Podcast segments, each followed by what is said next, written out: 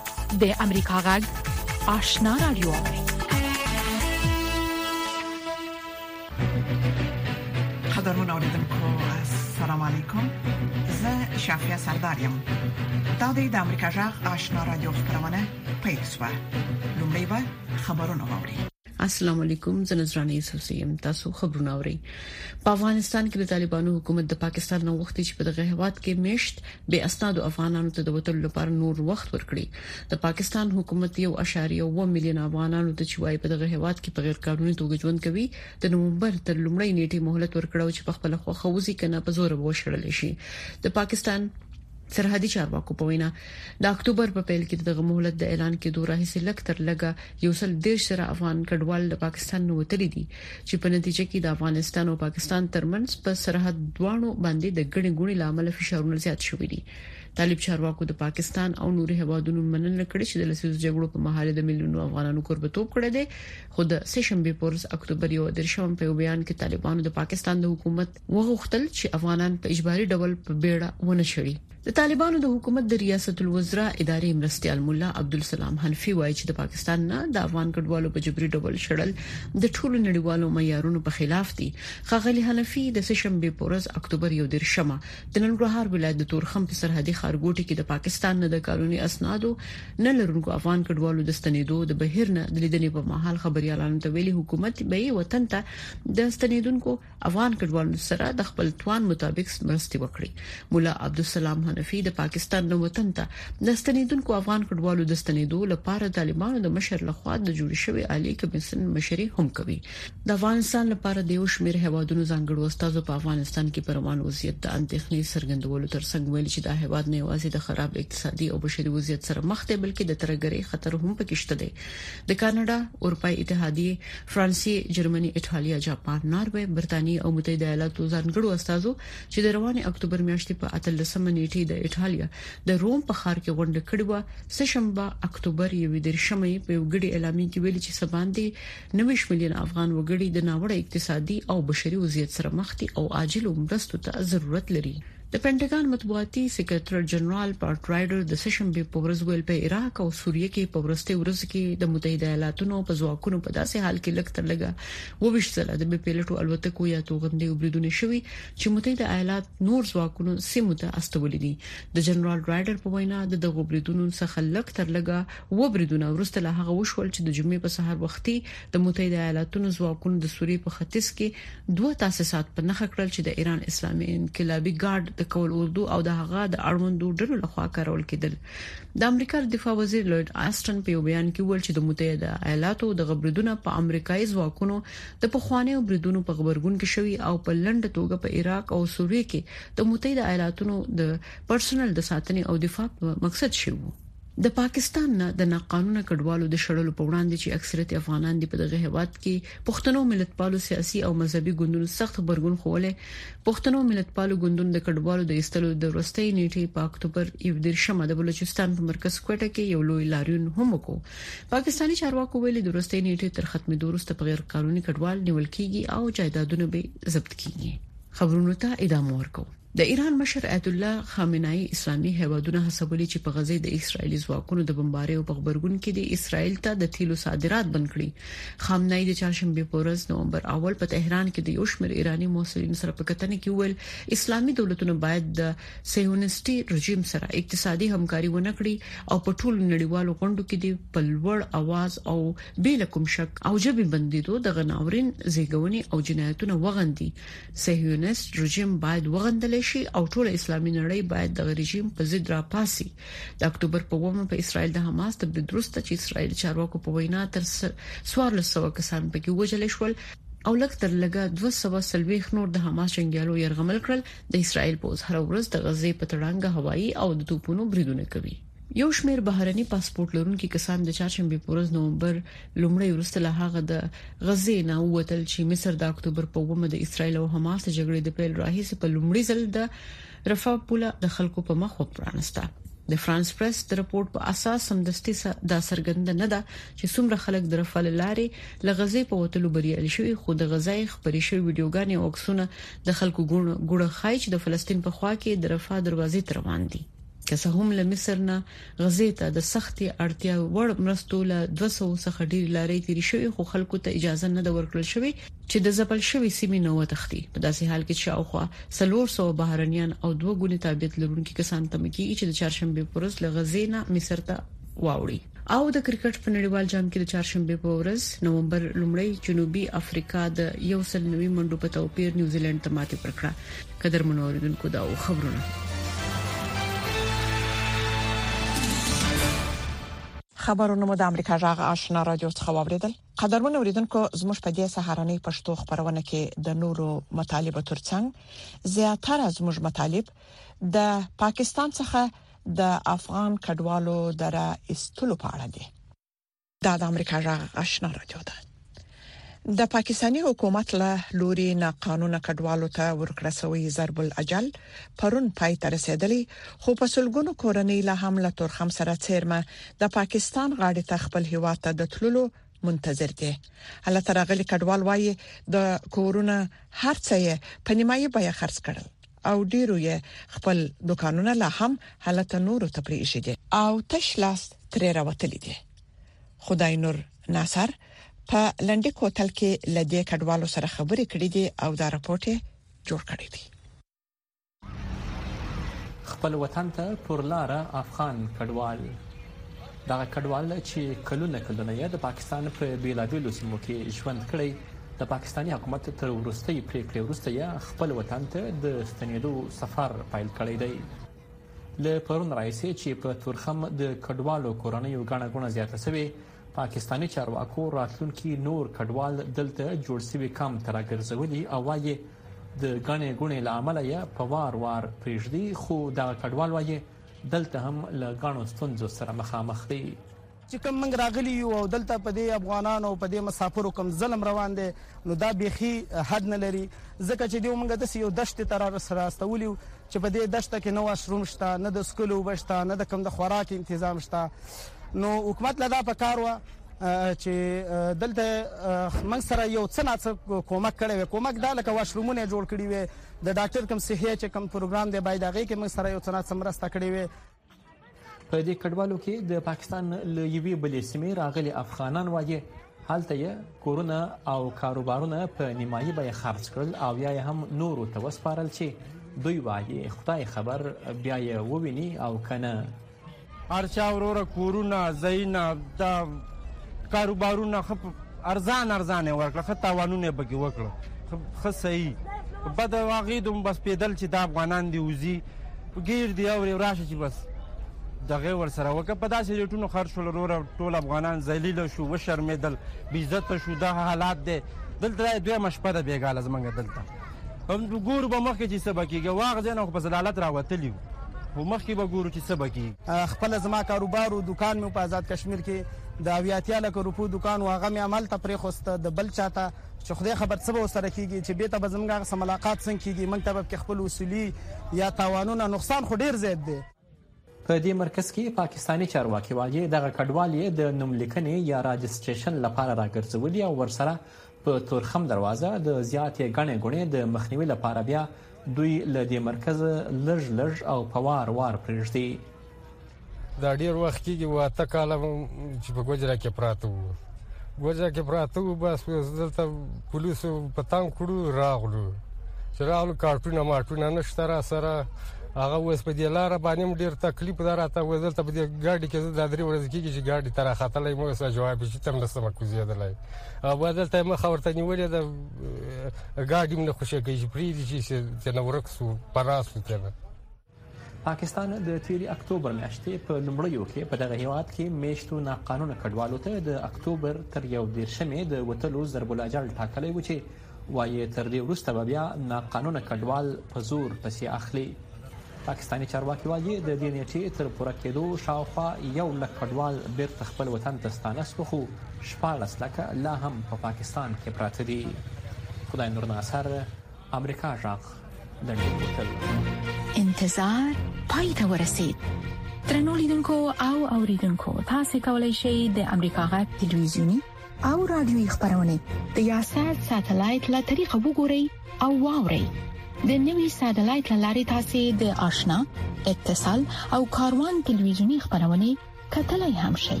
د امریکا غږ د افغانستان څنګه خبرونه په 398 پیټه چنل او د آشنا رادیوي خبرونه په 398 پیټه چنل کې اوریدلای شئ لملتيامو د تل پشان مننه دا د امریکا جغ آشنا را ده په پاکستان کې د حکومت په وینا یا په ظاهر د مشتو بي اسنادو افغانو کډوالو بیرته په زور ستنېدو لامل ځای سوداګر کارګرانو او بازارونه د سوداګرۍ د کمښت سره مخ شوې دي په دې اړه په پاکستان کې د امریکا جغ د څنګه مشري سارا زمان د اسلام آباد د تولیداتو د لوی بازار څخه چیرې چې افغانان اکثره سوداګري او لاسي کاروبار پکې کوي دا رپورټ را لېږلی دی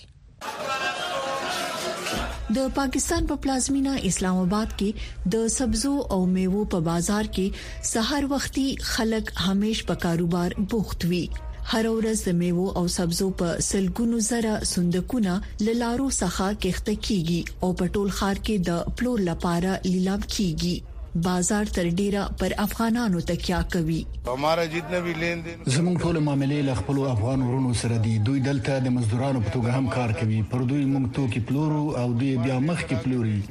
دلته له دې سوداګرۍ سره تړلې نږدې 92 سلنه خلک افغانان دي د پاکستان د حکومت له لوري د بې سناده افغانانو د اکتوبر تر یو دیرشمه په خپل خوښه او یا بیا له هیواده د نومبر له لومړۍ نیټې څخه په زور د ایستلو امر په بازار کې ویره پیدا کړې ده. زه د محصولاتو دوه درې کانټینرونه لرم چې وپلورل شي، پنځلس ورځې تېرې شوې او زه نشم کولای حتی نیم کانټینر وپلورم، څوک اخیستونکي نشته. لکه څنګه چې افغان سوداګر د خپل راتلونکي په اړه فکر کوي نو دغه رنګ د هغوي پاکستاني کاروباري شریکان لکه نجیب الله د خپلو لسګونو زرو ډالرو پانګو په اړه اندیښمن دي. منډي کا کاروبار اس طرح یې سارا نقد کې سود. مونږ په نقدو پیسو سوداګري نه کوو دا ټول په پور دي د افغانانو په مونږ او زمونږ په هغوي پیسې پور دي. د نیول کېدو له وېرې ډېری افغان کاريګران کار پرېږدي. نبي خان د کارګر په توګه کار کوي، د هغه کورنۍ اسناد لري، خو د هغه د پېژندنې کارت تر اوسه ستونزه لري. ما خپل ټول ژوند دلته تېر کړ او اوس له دې ستونزې سره مخ یم. دا ممکنه ده چې زه له خپلې کورنۍ څخه جلا شم. د افغانانو د وتلو سره د پاکستان سوداګریز فعالیتونه د لوی ګډوډۍ سره مخ دي. هم تو اتنا پریشان هې کو رات کو هماره نیم بی حرام هوی. زه له دې غمه خوب کولای نه شم چې که افغانان بېرته ولاړ شي نو څنګه به له بل هېواد څخه خپلې پیسې بېرته ترلاسه کړم. په پاکستان کې څه باندې سلور میلیونه افغانان ژوند کوي چې ډېری قانوني دي ډېری کډوال په تیرو وختونو کې د نیولو او ایستلو کېدو د امرونو سره مخ شوي خو د پاکستان له لوري د هغوی د ایستلو اوسنۍ لړۍ تر ټولو لویه ده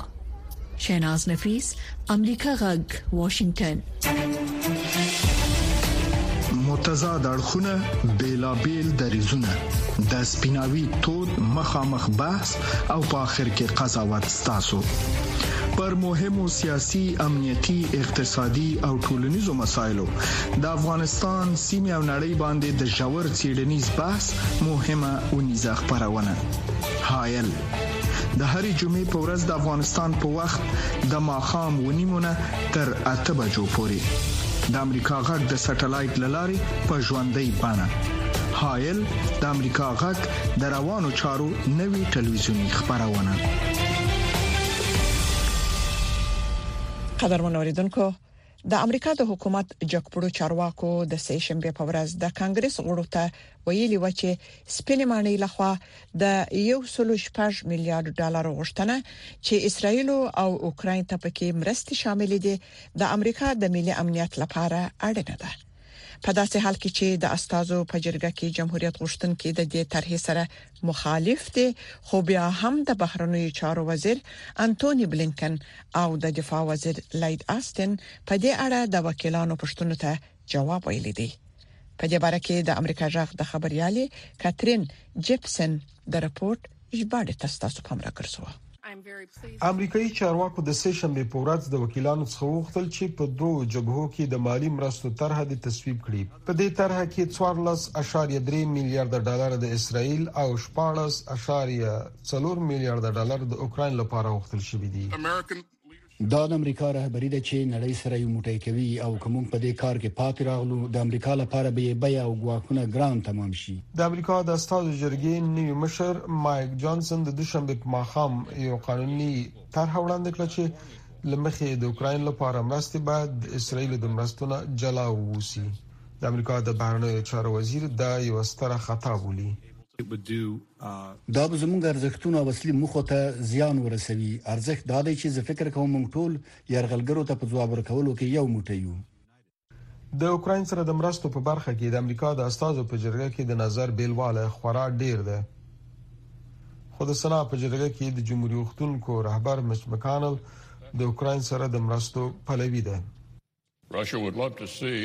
روسیه به خوشحاله شي چې وګوري په منځني ختیځ کې د ایران د ملاتړ نه برخمن ترهګر امریکا او متحدین یې کمزوري کړي. ایران به خوښ وي چې وګوري روسیه پر اوکراین غلبه وکړي چې په ترڅ کې یې متحده ایالتونه او ملګري یې کمزوري کړي. یو شمېر جمهوري غوښتونکي وکیلان اندېښمن دي چې د مرستو اړین حساب کتاب نه کېږي او امریکا نه شي کولای چې تل د جګړو نه ملاتړ وکړي. د دې بودیجوي طرحې د یوې برخې په توګه مرستو نه باید سمه استفاده وشي. فکر کوم چې دا ډېره مهمه ده چې د اوکراین سره د دې هېواد په بیا رغولو کې مرسته وشي. د کانګرس دموکرات غړي د اسراییل لپاره واحده بودیجه نه مني، وايي چې د سپینې ماڼۍ د وړاندیز سره سمه باید د اوکراین د بودیجې سره یو ځای وي. دا زموږ د ستراتیژیکو اړیکو اړتیاوې نه پوره کوي. د سر اعلی قوماندان په توګه ولسمشر باید په همدغې لارې قدم کېنږدي چې د هېواد د ملي امنیت ګټو ته زیان رسوي. آسټن ویلي چې د اوکراین سره د مرستو بندول ښايي د روسیې او امریکا ترمنځ شخړې رامنځته کړي. زما په فکر کې هیڅ پوښتنه نشته، ژر یا وروسته به ناټو ته ګواښ پیښ کړي او موږ به ګورو. د استازو جرګه کولای شي تر پنجشنبې ورځې پورې د اسراییل سره د مرستو طرحه تصویب کړي. بلینکن ویلي چې په دې طرحه کې فلسطینیانو ته د مرستو رسول هم شامل دي. بشري مرستې هم د اسرائیل د امنیت لپاره حیاتي دي. د مرستو سملاسي رسول او د فلسطیني ملکیانو ساتنه په غزه کې د ملګرو د موندلو اساسي لامل دی. د سپینې ماڼۍ او د کانګرس له خوا په دواړو وړاندې شویو طرحو کې د اسرائیل سره لس اعشاریه شپږ میلیارده ډالر د دفاعي مرستې په توګه شامل دي. احمد شکیب، د امریکا غږ، واشنګټن.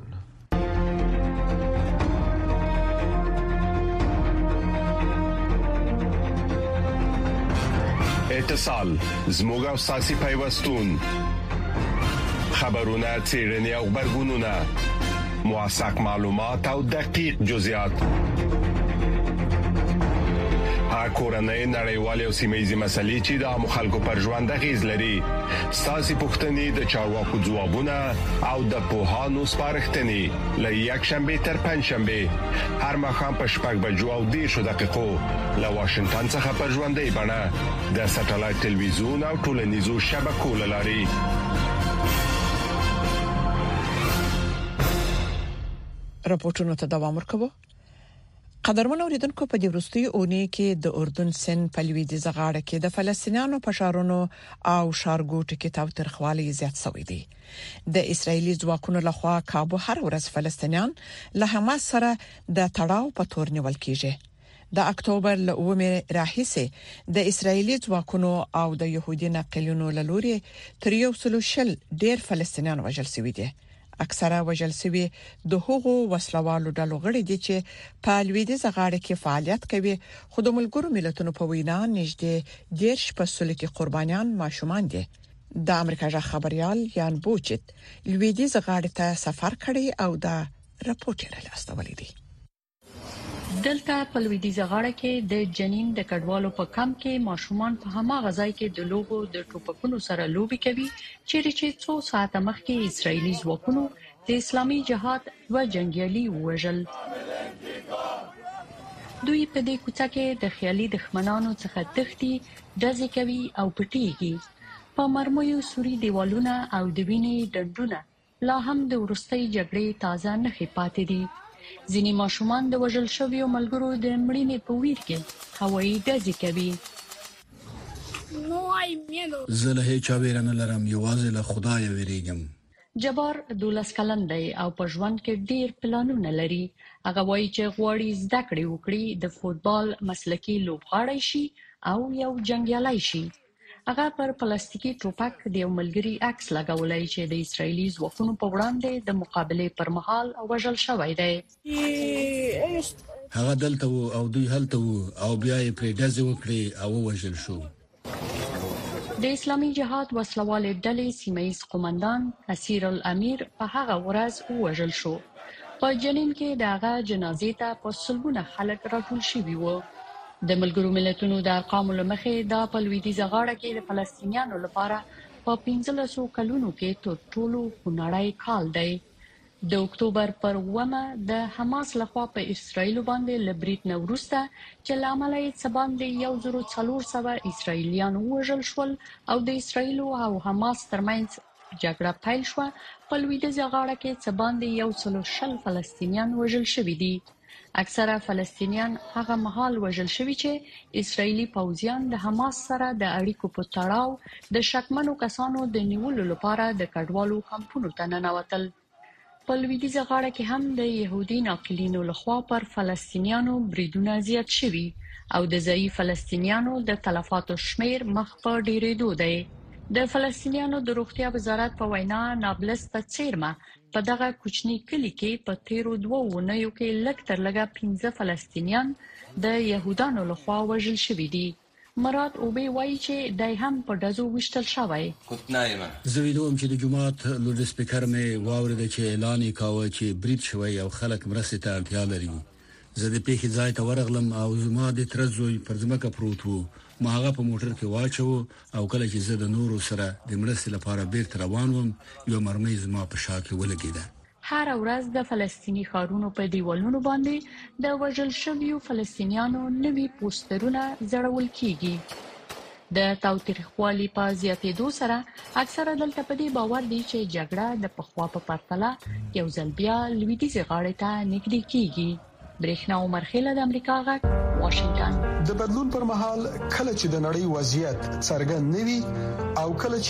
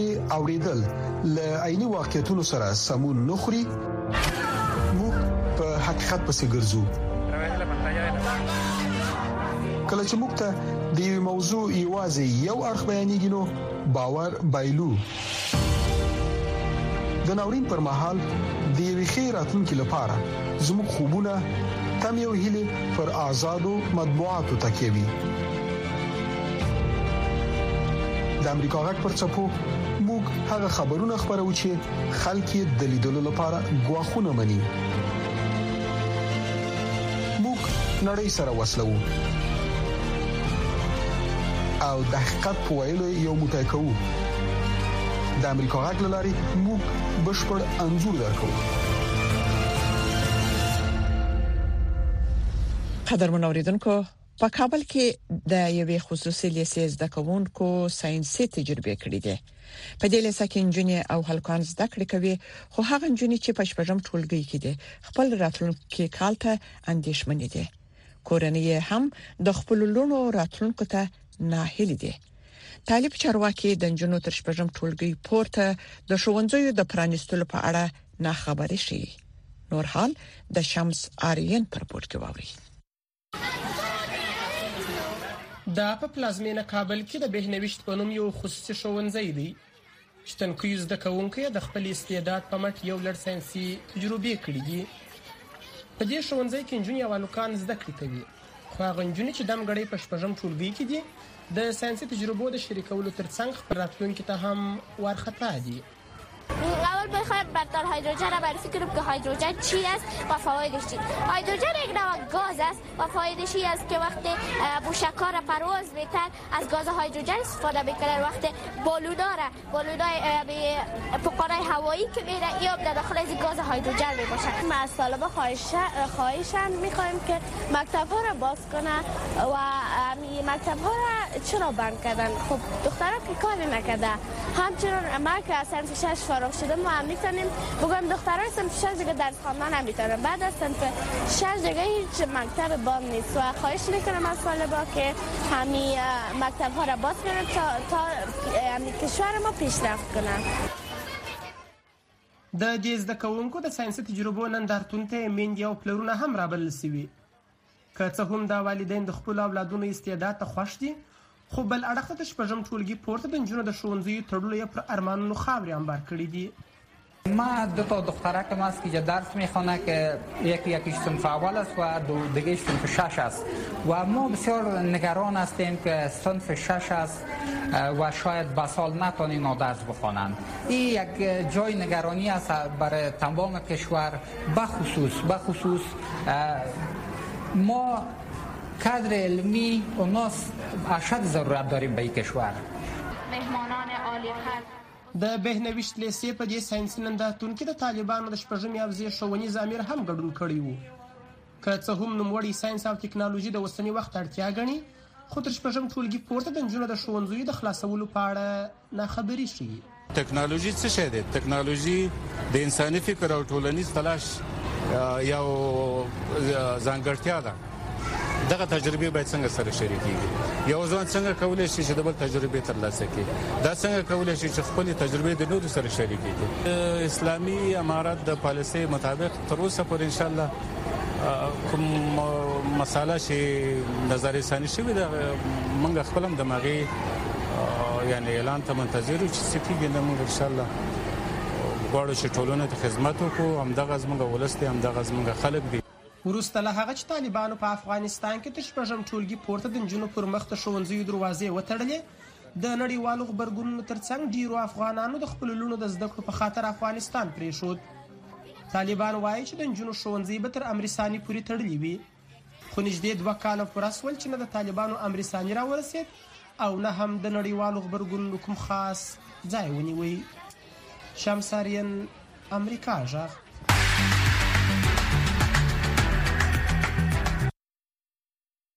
او د افغانستان په جنوب ختیځ کې د ګوزن ناروغي په وړاندې جدي مبارزه شوه خو بیا هم زرګونه منکري کورنۍ سته چې د خپل او نورو ماشومان ژوند لګواښ سره مخ کوي نور حال پر پورت کې ووري د افغانستان سویل ختیځې سیمې چې د پولیو لوړ خطر پکې وارله مخه موجود دی ځایي روغتیايي مسولین یې په دغه مبارزه کې د ټولنې وګړو ښکیلتیا اغیزمنه بولی په خوست کې د پولیو پروګرام یو تن ولایتي مسول زاهدالله امیري په دې باورمند ښکاري چې د بانفوذه اشخاصو ښکیلتیا او مرسته له دې بهیر سره مرسته کوي چې دا معلولونکې ناروغي په بشپړه توګه له افغانستان محوه شي. د پولیو پروګرام ولایتي مسول زاهدالله امیري په دې هکله امریکا غږ ته داسې وویل. جامعه موږ سره همکاري وکړي، خاصتاً علما، سپین ږیري دي، قومي مشران، هغه خلک چې په ټولنه کې رسوب لري، په ټولنه کې نفوذ لري، ټولنه کې خواخوږي دې خلکو سره هغه باید موږ سره همکار پوت شي تر څو خلک وهڅوي چې هیڅ ماشوم هم د پنځه کلنۍ نه لاندې د واکسین په کمپاین کې د واکسین نه پاتې نه شي.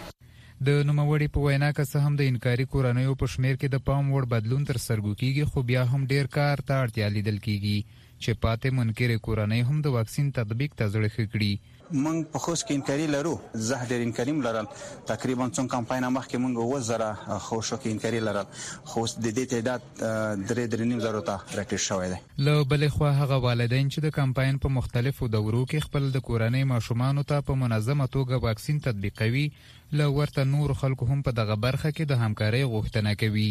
د خوست دوو تنو اوسېدونکو حسین الدین او حاجي شولې خان امریکا غږ ته په دې هکله داسې وویل. هغه مور پلور ته مو دا توصیه ده چی توسی دا مشروم په اینده کی کوږ فل جو ګوډ کیږی نو که چیرته توسی داغه وکسین ویرکړی دی هغی نه به مخنیوای شوی دی مشروم په توسی حق ده ای ده وخت ما ضایع کوی دی کوم کس چی توسی ته درسی هغی ته په وخت هغه مشروم روبوسی تر څو چی هغی ته خپل وکسین ورسیږی. د ماشومانو واکسینول دا ډیر ضروری هم دی. هر چا دې پوره په کور دي چې خپل اول ودونه ماشومون واکسین کړي او د دېغې دې پوره کوم خنډ جوړ نه شي چې دا مونږ نه واکسینوو باید هر وخت دې پوره دا خپل ماشومون په خپل وخت چې د واکسینو کمپین کول کیرسي هغې ته خپل ماشومون روبسي او واکسین یې کړي. افغانستان او پاکستان د نړۍ په مخ دوه هغه هېوادونه دي چې پولیو یا ګوزڼ پکې لا هم د میلیونونو کوچنیانو روغتیا ګواښي. روغتیاپالان وايي، پولیو هېڅ درملنه نه لري او د واکسین دوه څاڅکو وقایې په مرسته کېدلی شي چې ماشومان سالم او خوندي پاتې شي. منیر بهار، امریکا غږ، درنو لیدونکو، زموږ دا خپرونه په همدې ځای پای ته ورسېده. د امریکا غږ آشنا راډیو خپرونې